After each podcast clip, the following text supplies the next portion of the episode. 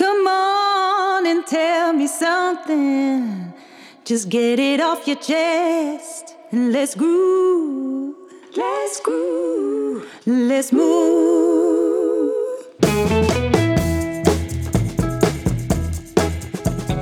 We zijn weer met de Tandersclub begonnen op Clubhouse. Nico Bezuur, eigenaar van congrescentrum De Hamermolen... en Ron Steenkis, Tanders Business Mentor. In principe elke vrijdagochtend om half negen. Ook dit winterseizoen willen we weer aandacht geven aan alle facetten van de tandheelkunde die ons bezighouden.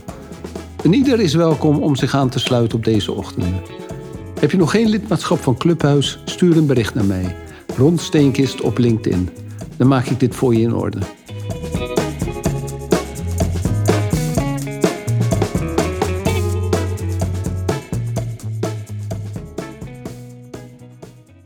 Wie is jouw vertrouwenspersoon in de praktijk? Ja, dat heb ik ook uh, dacht. Jongen, jongen, weet je, ik heb me wel gerealiseerd.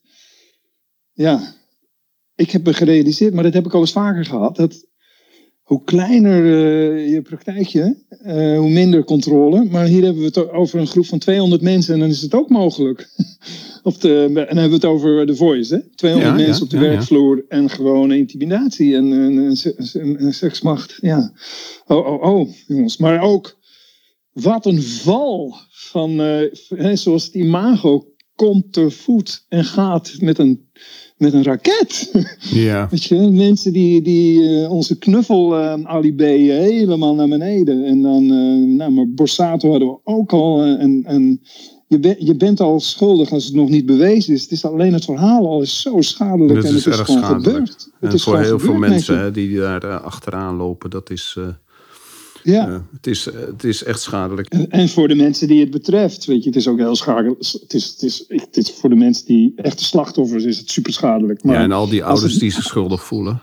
Dat ze hun Oh, kind hieraan man, hebben laten wat meedoen. een- aan Wat deze... een schuld, schaamte, boete, Ja. wraak, wrok. Wat een toestanden. Maar oh, wat, wat een ongelofelijke val van bovenaan helemaal diep onder in de goot. Echt einde goot.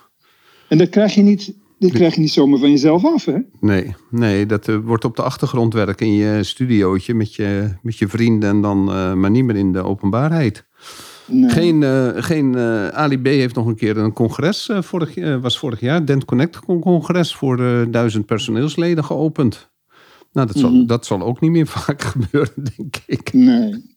Nee, ja, net is hetzelfde. Dus hoe, lang, hoe, hoe vaak kun je nog gewoon naar Michael Jackson luisteren zonder al die verhalen? Ja, dat is, ja, eh, het- is het wel of niet bewezen, maar die verhalen zijn eigenlijk zo sterk werkend, weet je? Het is Ja, zo het- sterk. nou, Nico, laten we gewoon eh, over. Lencioni hebben. Die, eh, Ja, maar goed, die vertrouwenspersoon in je, in je praktijk, dat is wel bij mij ook naar boven gekomen. Dat je denkt, heb je het wel goed geregeld? Het is best wel goed om, om tegen elkaar te zeggen, jongens, als er iets ergens waar dan ook speelt. ehm, Kom naar Nico. buiten de praktijk. Nee, ja, meld het. Ja, kom, laten we. Ja, kom naar Nico. Nee, ja, maak het bespreekbaar, toch? Nee, weet je, vroeger hadden we, eh, hadden- waren onze banden met het gezondheidscentrum eh, eh, veel en veel strakker. Dus dan hadden we een, een maatschappelijk werker en eh, drie vrouwelijke huisartsen. En we hadden Ja. altijd en de maatschappelijk werker en een van de vrouwelijke huisartsen als vertrouwenspersoon. Dus we konden nog kiezen ook als het nodig was. Want ik ga er altijd van uit dat het de vrouwen zijn die daar last van hebben. Ja. Terwijl ik wel laatst van een, een praktijkmanager hoorde dat die, eh, of een, van een eh, tandarts-eigenaar. En die eh, van een keten, die, die werd dan af en toe werd die, bezocht door een, door een regiomanager. En die kneep hem steeds in zijn billen. dat is ook apart, want dat hoor je niet vaak. Nee. Dat hoor je niet Nee, vaak, dat het nee. omgekeerd is. Maar waar ik ook wel aan denk is het volgende. Ik denk dat, nou terug naar Lencioni, eh, terug naar eh, de tandartspraktijk, even los van dit stukje, hè, de, de, die, dat, dat seksuele tintje. Ehm, er wordt toch eigenlijk maar heel weinig eh, besproken als mensen iets dwars zit, toch? Weet je niet? Er wordt eigenlijk helemaal niet goed besproken.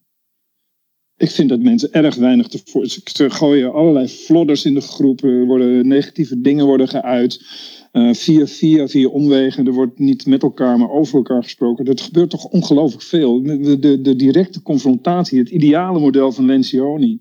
Dat je je confrontaties, je, je constructieve conflicten, dat je die echt opzoekt om dingen echt werkelijk ook echt goed uit te praten. Zoals bijvoorbeeld een, wat er ook wordt gesteld. Hè? Je hebt een vergadering, zijn er nog emotionele dingen blijven hangen?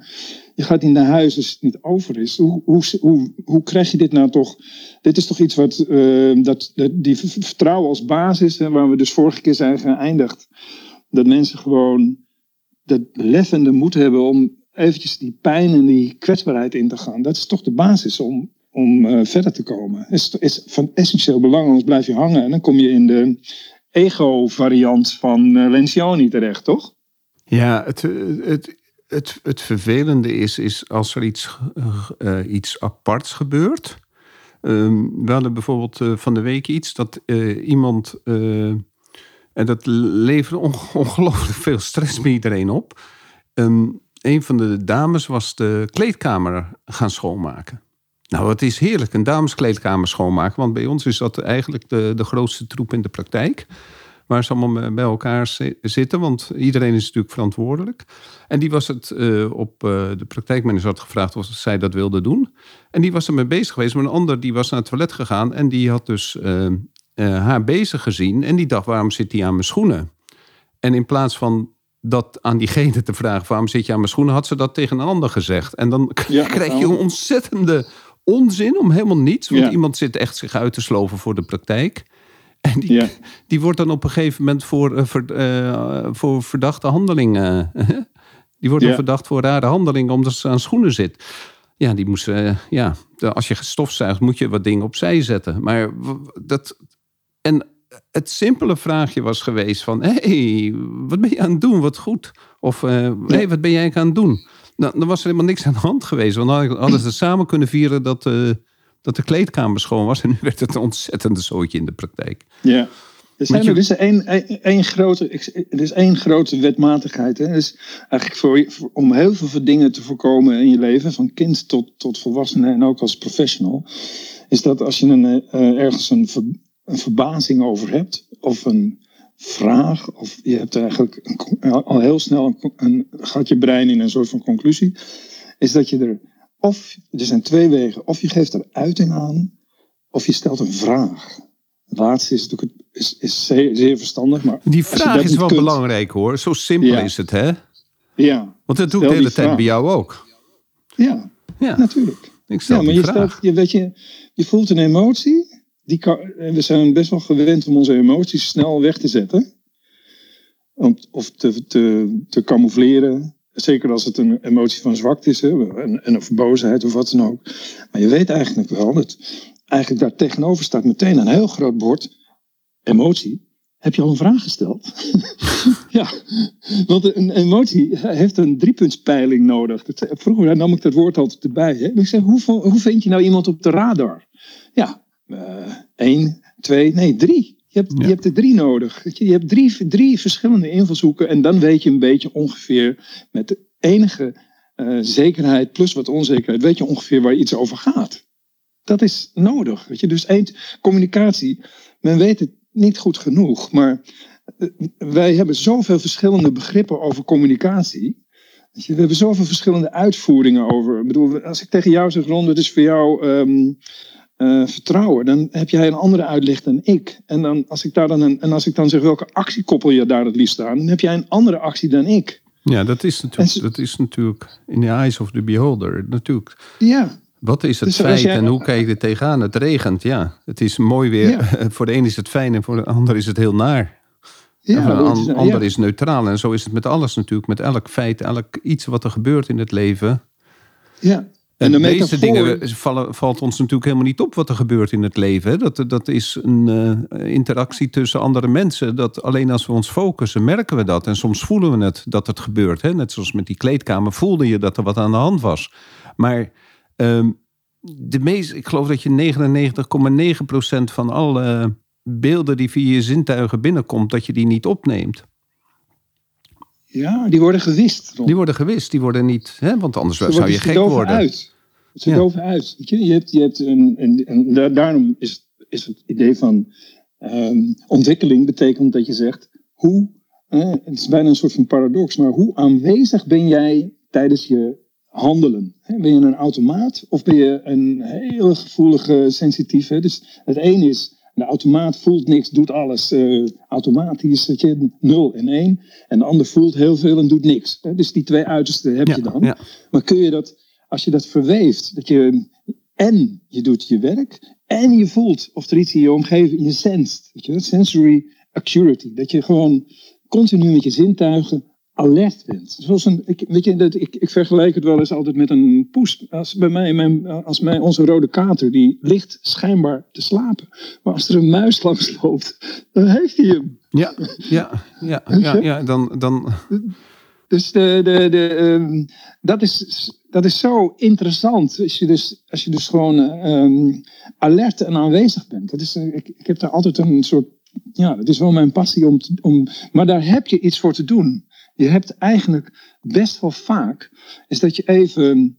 Uh, je moet heel vaak even een reset doen. Een soort van. Uh, ik doe even een reset. Ik ben hiermee bezig, maar doe die la even dicht. En um, ik voel even wat er nog meer is in mijn, uh, in mijn wereld. En dan doe ik hem weer open. En het is goed dus dat je een switch moment hebt. Hè? Zoals je bijvoorbeeld in een tandspraktijk zegt iemand, kun je even een controle komen doen. Dan moet je even uitstappen wat je doet. Ja, dat, instappen, dat is waar. Dat zijn die paar stappen, die kun je, kun je eigenlijk ook virtueel, visueel gebruiken om te zeggen, ik doe vijf, zes, zeven stappen. Ik laat even los waar ik mee bezig was en ik bereid me even helemaal voor op waar ik aan begin. Zo, weet je, dat is, dat is mooi. En dat is allemaal nodig om uh, tot een topproduct te komen met z'n allen. Topprestatie. Topprestatie. Um, als je dus, uh, Nico, om uh, op die uh, piramide terug te komen. Hè, we hebben die we hebben vorige week twee gedaan, hè, vertrouwen en conflicten. Um, ja. Dan krijg je natuurlijk de betrokkenheid. Hoe spreek je met elkaar af wat je doet? Een van de, waar mijn assistenten altijd, die in opleiding zijn mee komen, wat ze voor school moeten doen, is dat smart model. Hè, van, ja. Uh, wij zelf in de praktijk gebruiken meer 4 keer WC. Ken je die? Nee. Oké. Okay. Nou, smart is altijd. Ik, uh, ik vind hem altijd smart heel. ken ik wel. Oké, okay, dat is natuurlijk. Hè, dat is specifiek. Maar de 4 keer WC, die weet nee, die is veel beter. Die onthoudt iedereen. Smart oh. is. Uh, hè, dan moet je specifiek zijn. En dan uh, meetbaar. Nou, daar hebben die kinderen altijd ongelooflijk moeite mee. Dus ik weet zeker als ik een smart ga doen in de, uh, in mijn, met mijn team is dat heel moeilijk. Het moet acceptabel zijn, realistisch en meetbaar. En dan zie ik ja. die kinderen zo ontzettend uh, struggelen met hun, met hun oefening, met hun werkstuk wat ze moeten maken. En dan probeer ik ze te helpen. En dan denk ik ook, ga, hoe krijg ik dit er nou in? Hè? Want ze zijn, worden best streng beoordeeld erop. En ik vind die vier WC's is veel beter. Wie, dat is het eerste, gaat wat, wat doen, dus de W. Waarom doen we dit? Wanneer is het af? En met wie communiceren we? Dus het is vier keer W, één keer C. Mm. Dus viermaal WC. Nou, dat werkt veel beter. Ja. Ken je hem nu? Ja, nou, ik had zeven W's vroeger. Wie, wat, waar, wanneer, waartoe, waarheen. ja. Hoe lang? Dus, en dan de H nog, hè? Hoe lang? Ja, hoe lang gaan we erover doen? Ja. En dan weet je, dat je, ja, zeker. Ik zet er iets voor. Ik zet er iets voor. ja, nee. Bezet. Wil je weten wat? bezet. Ik zet er iets, ja, bezet de wc. Ja. Nee, ik heb, uh, ik heb altijd een, uh, je weet, ik ben natuurlijk een, ik hou ervan om dingen dan even, zoals bijvoorbeeld dat je zo'n why, how en what, een golden circle van je praktijk hebt bepaald, van je bedrijf. Waarom doe je dat? hoe doe je het? Wie, wat, met welke mensen, welke technische skills en wat, wat is je product. Maar de why, die ligt daar dan nog altijd, daar ligt altijd iets boven. En wat ik mooi vind om boven je doelen en je acties te zetten, is dat je je bekwaamt in, en je moet je voorstellen, virtueel ziet het er bij mij zo, een soort van Excel-sheet, is dat je, je hebt, uh, bovenaan staat een waarde en dan doelen, acties en tijd. Waarden staat helemaal links, doelen, acties en tijd. De waarden, ik vind het in een praktijk om tot elkaar te komen, vind ik het mooi om een waarde te specificeren. Dus ik doe wel graag, ik, ik praat wel graag over waarden. Bijvoorbeeld klantvriendelijkheid. Dat je, dan kun je dus, als je dat zegt, nou wij hebben klantvriendelijkheid, we hebben servicegerichtheid, we hebben een topproduct, we gaan voor gezondheid. Dat kunnen allemaal waarden zijn. Maar Uh, ik vind het van belang dat die waarden altijd blijven staan. En dat je dan, als je die dan uitwerkt in de vorm van doelen en acties, dan krijgt het heel vaak, als je zo'n lijstje ziet van welke doelen en acties hebben we allemaal gedaan om de waarden uh, te borgen. En dan, als je, die, als je die lijstjes bij elkaar ziet, dan zie je dus eigenlijk welke handelingen passen bij een bepaalde waarde. Dus als bijvoorbeeld, als je zegt uh, klantvriendelijkheid, dan is het doel is nou, het doel is dat iemand zich heel eh, welkom voelt in de tandartspraktijk en heel goed verzorgd. Wat is dan de actie? Nou, vanaf het moment dat iemand binnenkomt, wie dan ook, welk personeel, kijkt zo iemand in de ogen en, en geeft een glimlach of zegt even welkom. Of kijkt even of iemand hulp nodig heeft. En uh, tijd, nou, dat doe je meteen. Punt. Weet je, iedereen, en iedereen doet dat. Zo, zo werk je bijvoorbeeld zo'n waarde uit. En klantvriendelijkheid heeft natuurlijk heel veel verschillende facetten. Maar ik vind dus een waardegedreven uh, bedrijf, vind ik, uh, wat mij daarin, ik vind al die actielijstjes verdwijnen vaak van tafel, maar die waarden blijven staan. En eigenlijk is het goed om jezelf te bekwamen in de vijf, zes, zeven hoofdwaarden waar je voor wilt gaan. En die zijn natuurlijk zeker gekoppeld aan de why van je organisatie. Maar dat is in die bovenste stuk van die piramide heb je een soort van um, beoefening nodig hoe je nou je praktijk borgt en waarden borgen je bedrijf heel goed. Acties worden vergeten, maar de waarden in combinatie met doelen, acties, uh, geeft een heel, dat is, dat is een klein beetje een soort van precisiemodel van oké, dat zijn dus de handelingen voor die waarden. En dan begin ik hem een beetje te begrijpen. Dus het is anders dan dat je dus tegen iemand zegt, joh, weet je, het belangrijkste is klantvriendelijk, klantvriendelijkheid. Tot ziens. Ja, maar goed, die, moet je dan, die, doen? Uh, dan kom ik toch nog even op die vier keer wc terug hoor ja, die kun je eraan koppelen. Ja, want de derde W is natuurlijk, waarom doen we dit? Ja. dus waarom zijn we klant... Ik ben het heel... Weet je, die, eh, als je die zeven waardes hebt... en die heeft iedereen onderschreven... en vaak zijn ze helemaal niet zo moeilijk... maar je, iedereen onderschrijft klantvriend, uh, klantvriendelijkheid in de hele klantreis... Maar als er dus ook een vraag komt van iemand aan mij, in hoe, dan hoef je alleen mij naar je eigen waardes van de praktijk te kijken, hoe je die vraag kunt beantwoorden. En eigenlijk hadden de mensen hem zelf al kunnen beantwoorden. Ja, Als het klopt met de waarde van de praktijk, dan kan je eigenlijk alleen maar ja zeggen. En go for it. Absoluut. En dat, maar mijn stelling is dat er iets te vaag wordt gedaan over de, het specifiek maken hoe de waarde dan zichtbaar wordt. Waarin wordt die zichtbaar? Dat is een beetje mijn stelling. Dus ik vind het niet zo. Ik vind het wat uh, generalistisch om een waarde kort te benoemen. Er, zijn ook oefeningen voor. Bijvoorbeeld, uh, nou, noem eens wat. Uh, nee, maar goed, laten we nou hebben het over klantvriendelijkheid. Dan denk ik dat je snel aan, aan zo'n. ik heb ze wel eens afgeschreven. ik ben laatst door, door Aramik geïnterviewd over de, over de klantenreis. En ik kwam tot, wat betreft de klantvriendelijkheid, was ik op een gegeven moment bij punt 46. En toen zeiden we, maar laten we maar ophouden. En, dat, uh, en, dat, en die, die klantvriendelijkheid, die, die gelden natuurlijk voor alle mensen die diensten verlenen en iedereen die een zaak heeft. ja. dus, maar je kan het specifiek maken voor de tandartspraktijk. En, de, en het is natuurlijk ook zo dat je um, ook dat beschermt. Hè? Dat, je, dat je er blij, op blijft hameren dat dat belangrijk is. Ja. Net, net, zoals dat in, bij de Shell is het altijd zo dat je een, een hand aan de trapleuning moet hebben. En iedereen weet het. En soms wordt het vergeten, maar iedereen corrigeert elkaar op dat punt. En, uh, en dat is natuurlijk ook zo wat, wat bij ons moet gebeuren. Is als iemand bijvoorbeeld de meest simpele is gedag zeggen in de wachtkamer. Hè, iedereen gedag zeggen. Als dat niet wordt gedaan, dat het hele team diegene dan uh, hè, corrigeert. En niet alleen ik als ik het per ongeluk zie.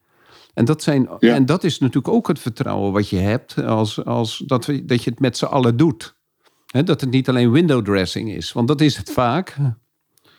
Van de, de, de, de twee tandartsen die hebben een uh, gezellige clubhouse. En die zijn het over. We zijn het altijd eens met elkaar, Nico, bijna. En ja, mm. dan in de, wij zijn niet in de praktijk. En daar is het een, uh, mogelijk een, uh, een pandemonium, bedoel ik. Ja. Nou ja, weet je, kijk, een voorbeeld. Ik zit in mijn behandelkamer. En de patiënt die er zou moeten zijn, is niet aangevinkt. Die, zou moeten, die zou moeten zijn aangevinkt. Dus Ik zou in mijn behandelkamer moeten kunnen zien, de patiënt is gearriveerd en wel op die tijd. Hè? Dus dan is iemand goed ontvangen door de receptie, toch? Ja. Zo werkt dat. Ja. Dus, uh, Nou, dan komt de. Ik, ik, uh, ja, ik, ik, ik, maak een vertraagde beweging. Komt de receptioniste, die komt naar me toe lopen. En die zegt, uh, die patiënt die, ehm, die is er wel. Oh, fijn, zeg ik. Nee, zeg ik. Dat is niet fijn. Wat heeft je nou weer houden om dit te, te noteren dan? ja, toch? Je moet toch meteen iemand tot de verantwoordelijkheid roepen? Heel goed, meteen. Ja. En toen kwamen er heel veel verhalen. Het was ah, dan komt er, uh, komt er zo'n over, overmachthouding. Weet je wel? Zo, ja. ja. ja, overmacht. Te druk. Ja, te druk. niet anders te druk voor wat? Ja. Dus, de, dus die, die, dat continu de, de, in, die bovenste sectie om elkaar uh, steeds even te zeggen, hoe komt het dan? Weet je, ik kreeg vanmorgen ook een fo fotootje binnen. Ik heb een nieuw teamlid en die doet nog niet alles. Uh, en dan blijkt dus, als je nou een, teamlid, een nieuw teamlid heeft die niet helemaal is ingewerkt, wie moet dan die eindverantwoordelijkheid overnemen? Ja, ik. dus er stond ergens een, een, een slijpmachine in ergens op een plek in een behandelkamer waar die niet hoorde te staan. En die had aan het eind van de dag of na een uurtje weer weggezet moeten zijn. En dat was niet gebeurd. Dus ik kreeg een fotootje. Jongens, het is nou de tweede keer dat hij hier nog staat. Um, kun je alsjeblieft zorgen dat hij er niet meer staat vervolgens. Ja, ruim op, weet je wel.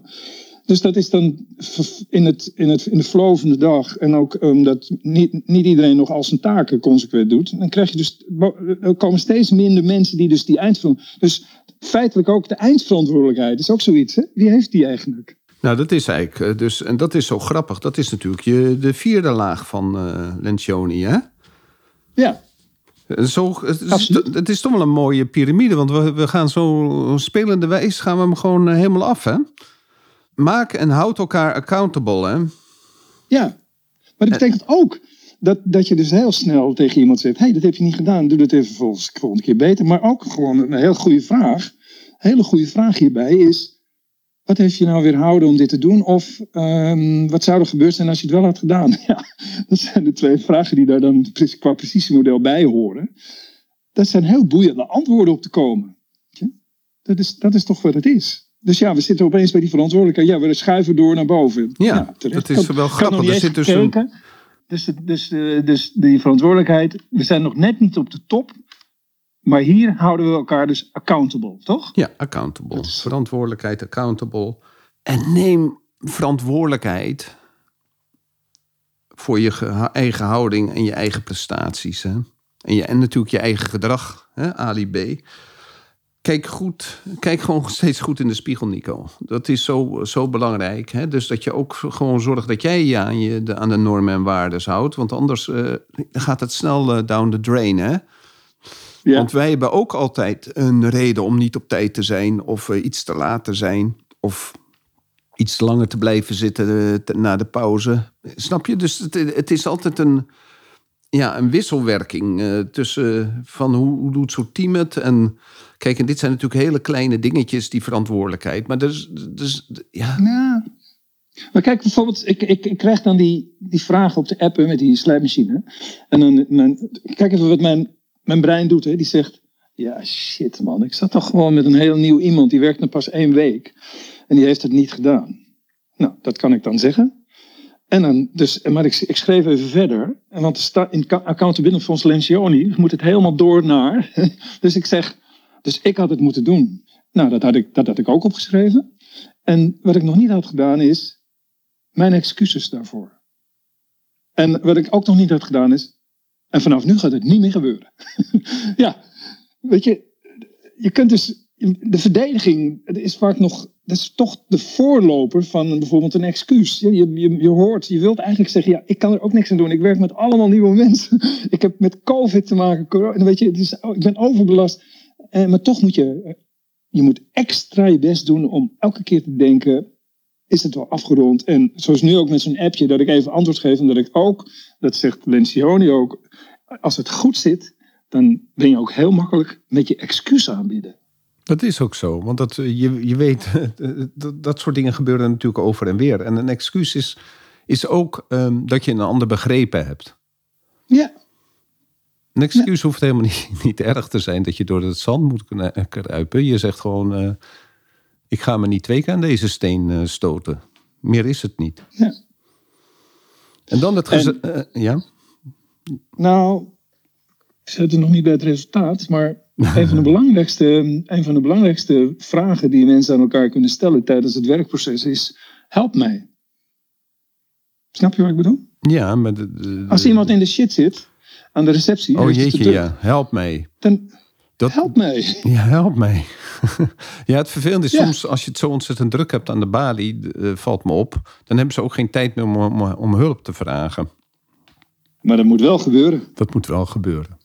Dat is professioneel een eis. Het is, je, je, wil, je, je zegt tegen je, je grensmedewerker, je, je receptie, je balie, wie, hoe je het ook noemt, zeg je, als je in de shit, shit zit, hè, dus als je, als je bij Van de Valk luikloper bent, dan zeggen ze altijd, die zit in de shit. Dus dat, dat, is, dat betekent dus, dan moet je helpen.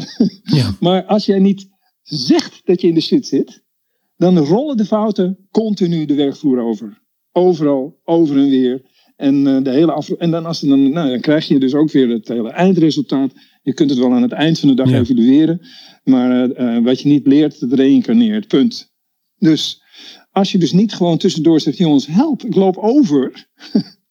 ik loop gewoon over, help mij. Dan, dan is dat gewoon dat is super belangrijk. Dus ja, weer zo eentje. Help. Help. Help. Ja. Wat is de allerdapperste vraag die je ooit hebt kunnen stellen? Zo'n boekje met al die mooie tekeningen Ja. die tegenwoordig eh, is gewoon help. Help. Ik ken ook nog een, een, een heel klein boekje. Dat, staat, eh, dat heet boekje Ik. Ja, En er staat, eh dat is helemaal leeg. Er staat alleen aan Oh de ja. buitenkant ik. Dat kan ook, hè? En dat, dat is ook een beetje de, de, de top van de piramide, de resultaten. Waar zit nou de moeilijkheid? En zeker in de tandartspraktijk met veel ZZP'ers. Dat is ik. Eh, iedereen gaat voor zijn eigen resultaten. Ehm, wat gebeurt er in de, in de kamer? Ehm, iedereen probeert zo'n, mm, zeker eh, de, de, de, de, de ZZP'er proberen zo'n mooie eh, mogelijke dagomzet te hebben. En dat is niet het gemeenschappelijke resultaat van, de, van het hele bedrijf. En dat, daar zijn een van de, de kleine dingetjes waar het, eh, waar het dus eh, kan wringen, is dat mensen erg voor hun eigen resultaat gaan. Maar dat geldt dus ook voor de, de, de, de, de, assistentes in hun eigen kamer. Als hun eigen kamer maar ehm, geregeld is, dan, kan de, dan hoeven we, hoef ik niet verder te kijken dan mijn neus lang is. Het zijn maar hele kleine dingetjes die ervoor zorgen dat eh, mensen in zichzelf keren, hun eigen resultaat perfect hebben. Dus aan hun valt niets te verwijten, maar dat ze het grote geheel hè, van al die waardes die jij toen die jij in het begin eh, gezegd hebt, dat die eigenlijk niet eh, ondersteund worden. nee. En dus de aandacht voor het gezamenlijke resultaat, dat moet door iedereen gedragen worden. Maar het is dus dan ook weer heel belangrijk dat het gezamenlijke resultaat ook aan iedereen bekend is. Wat het resultaat zou moeten zijn, Wat het resultaat zou moeten zijn. Ja, Want we zitten natuurlijk heel vaak in die kleine kamertjes te denken. Ik, eh, de, de, de eerste podcast die we samen hadden via Clubhouse, Nico, die ging over eh, kerncijfers. En een van de mooie kerncijfers die ik, eh, die ik had was... wie stuurde door binnen de praktijk? Dus, ehm, dus ik had een, een- dus je, je kreeg alles eh, werd uitgewerkt, maar er waren, je kreeg dus ook uitwerking. Deze tandarts die zorgde voor zoveel eh mondhygiëne omzet, eh, zoveel eh, zorg bij de implantologie, zoveel doorverwezen kroon- en brugwerk, zoveel doorverwezen protheses. En dat gaf dus een inzicht dat diegene niet alleen met zichzelf bezig was, Mhm. maar ook de praktijk ondersteunde. Want die zorgde ervoor dat de medewerkers bezig waren. En er waren Ja. ook tandartsen die deden sealingen, ongelooflijk veel sealingen, terwijl ze dat hadden door moeten sturen naar de preventieassistenten. En daar heb ik nooit op gelet, want ik lette altijd meer op de, in, over het algemeen van wat waren de omzetcijfers. ja. Dat heeft me wel heel erg te denken gezet, want dat was, dat was natuurlijk een gouden kracht, diegene die ervoor zorgde dat andere mensen aan het werk bleven. Mhm. En die was dus bezig met het gezamenlijke resultaat en niet met het, met het resultaat wat in de Kamer gebeurde. Ja, dat is interessant hè. Eigenlijk is het zo, het is ook nog eens een keer zo dat de, er zit zoveel kennis verspreid in je team. En voor die patiënt wil je graag dat al die kennis tot een piramide komt, toch? Tot een resultaat. En als we het over resultaat hebben, dan is dus die weg, die wordt afgelegd langs al die, uh, langs al die verschillende adressen, langs al die verschillende behandelpunten, dat die uiteindelijk leidt tot het ultieme resultaat. En dat, en dat je daarin natuurlijk, um, um, dat het zo'n zo'n symbiose wordt. Zo'n symbiose. En dat is van belang, dat je in het resultaat, dat, het, dat je ziet dat het bij elkaar komt. Ik vind het best lastig eh, om uh, dat gedurende de klantenreis of de patiëntenreis, om, om daar, daar, is toch, ik denk toch dat die dossiervorming of de manier van praten over het eindresultaat voor een masterplan van een patiënt, hoe komt nou al die, al die kleine handelingen schakelen uiteindelijk door naar die top van die piramide? Want uiteindelijk is het toch het resultaat, dat moet bij die patiënt terechtkomen, toch? En daarvoor doen we het allemaal, toch? Dat, dat, dat, is, dat is het enige resultaat wat echt telt. Naast het feit dat we, dat we natuurlijk dat werken heerlijk moet zijn en dat je je leven niet moet verprutsen op een werkplek waar je jezelf niet lekker voelt. Ja, maar dat, maar dat is weer het resultaat van ik. Ja, dat is ik. Maar dat mag er allebei zijn. Ik heb, vond het altijd wel een mooie indeling. Goed voor het bedrijf en goed voor jezelf. Die twee dingen mogen er allebei zijn, toch, Ron? Nou, die moeten er zijn. Die moeten er zijn. Maar de, het dat, ik is soms groter dan voor het bedrijf. Ja, dus ik snap dat jij zegt dat je als, je, als iemand is goed in uh, esthetische tandheelkunde en is alleen maar bezig met esthetische tandheelkunde en als hij een controle doet, kijkt hij naar esthetische mogelijkheden en, en, enzovoort. En de andere is goed in functionaliteit en knarsen en klemmen en die is alleen maar bezig met knarsen en klemmen. En, maar wat, wat heeft die patiënt? Eh, iedereen die binnenloopt, die doet iets anders hier, zegt zo'n patiënt dan. Godverdorie, de een zegt dat het niet mooi is en de ander zegt ik mag niet klemmen. Uh, hebben jullie ook Overleggen jullie met elkaar? ja, uh.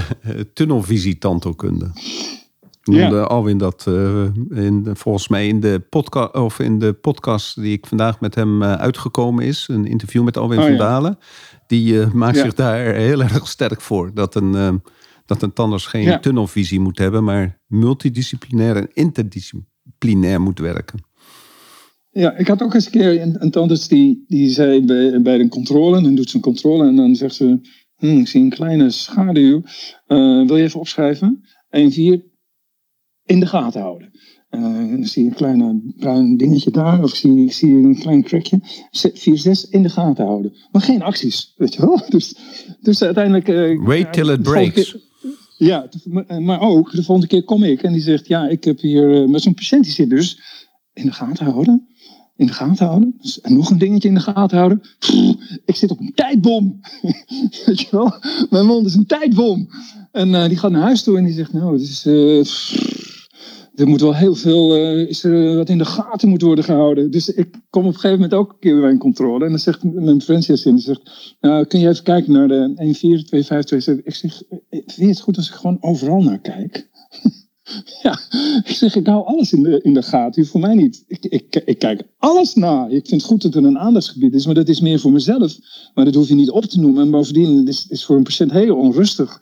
Als er, uh, wat betekent dat dan? Ja, wat betekent dat? Wat betekent dat dan? Net zoals dat Barnes, die zei altijd, ik, ik wil altijd een pocket status, die neem ik op als volgt, zegt hij. Mijn assistent neemt het, schrijft het op. En dan zegt hij 1, 4, 3, 1, 5, mesolinguaal, zes. En dan, die, die assistent die zegt dan. die moest dan een emotie laten zien. En vier, zes uh, in de vocatie, acht. Acht. Oeh. Oeh. En, dan, en, dan, en dan moet je je voorstellen dat hij dan aan het eind niks verder doet. En dat hij zegt, tot de volgende keer.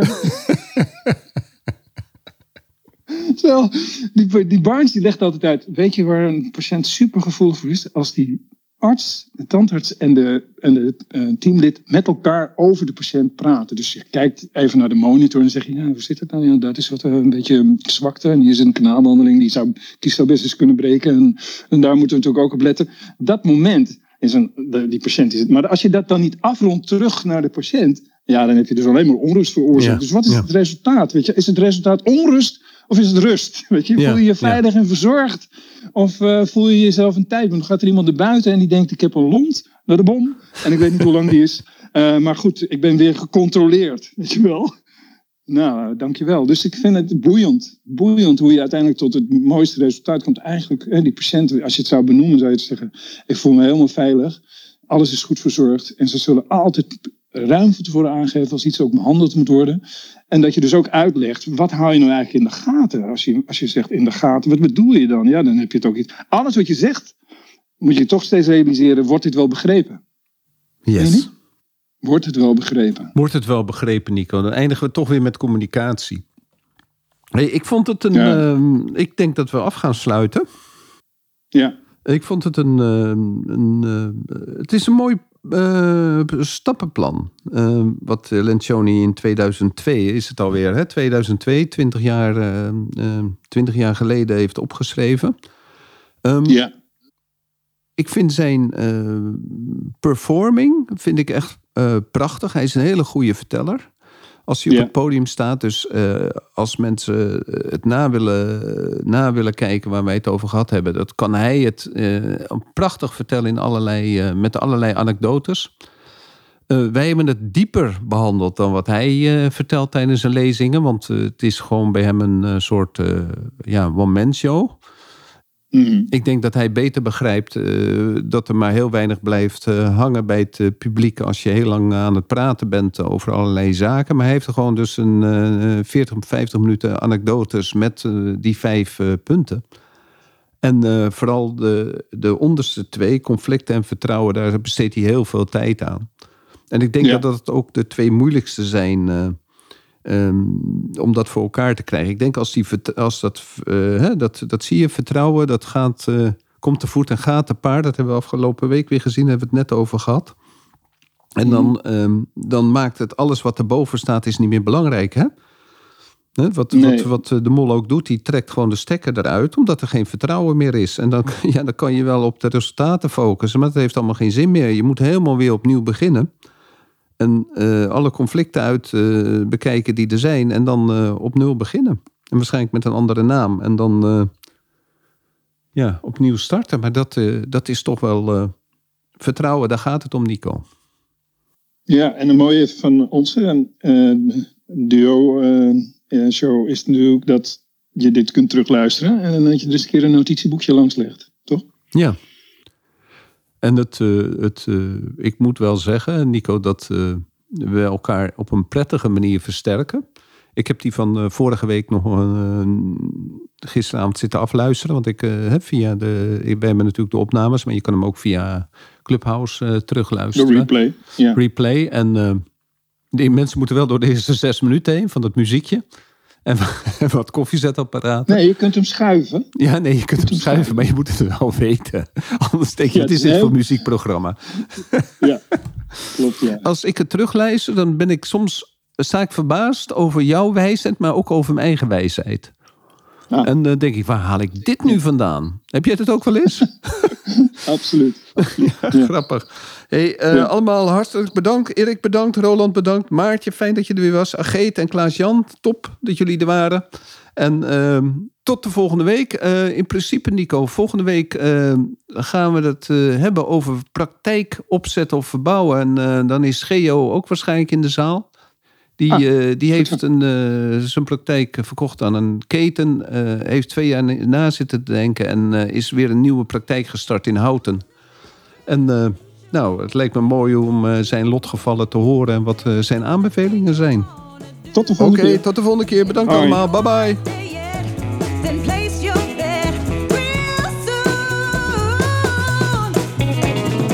Super dat je weer luistert naar een aflevering van de Tandersvrijheid en Meesterschap podcast. Ik zou het zeer op prijs stellen als je een review achter zou laten. Je kunt je ook abonneren op deze podcast. Klik dan in de podcast-app op de button subscribe en je ontvangt automatisch een berichtje bij een nieuwe aflevering.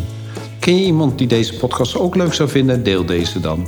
Via Spotify kan je dat heel simpel door op de drie puntjes te klikken en te delen. Je kan mij ook bereiken via mijn LinkedIn-account. Ik ben te vinden onder mijn naam Ron Steenkis.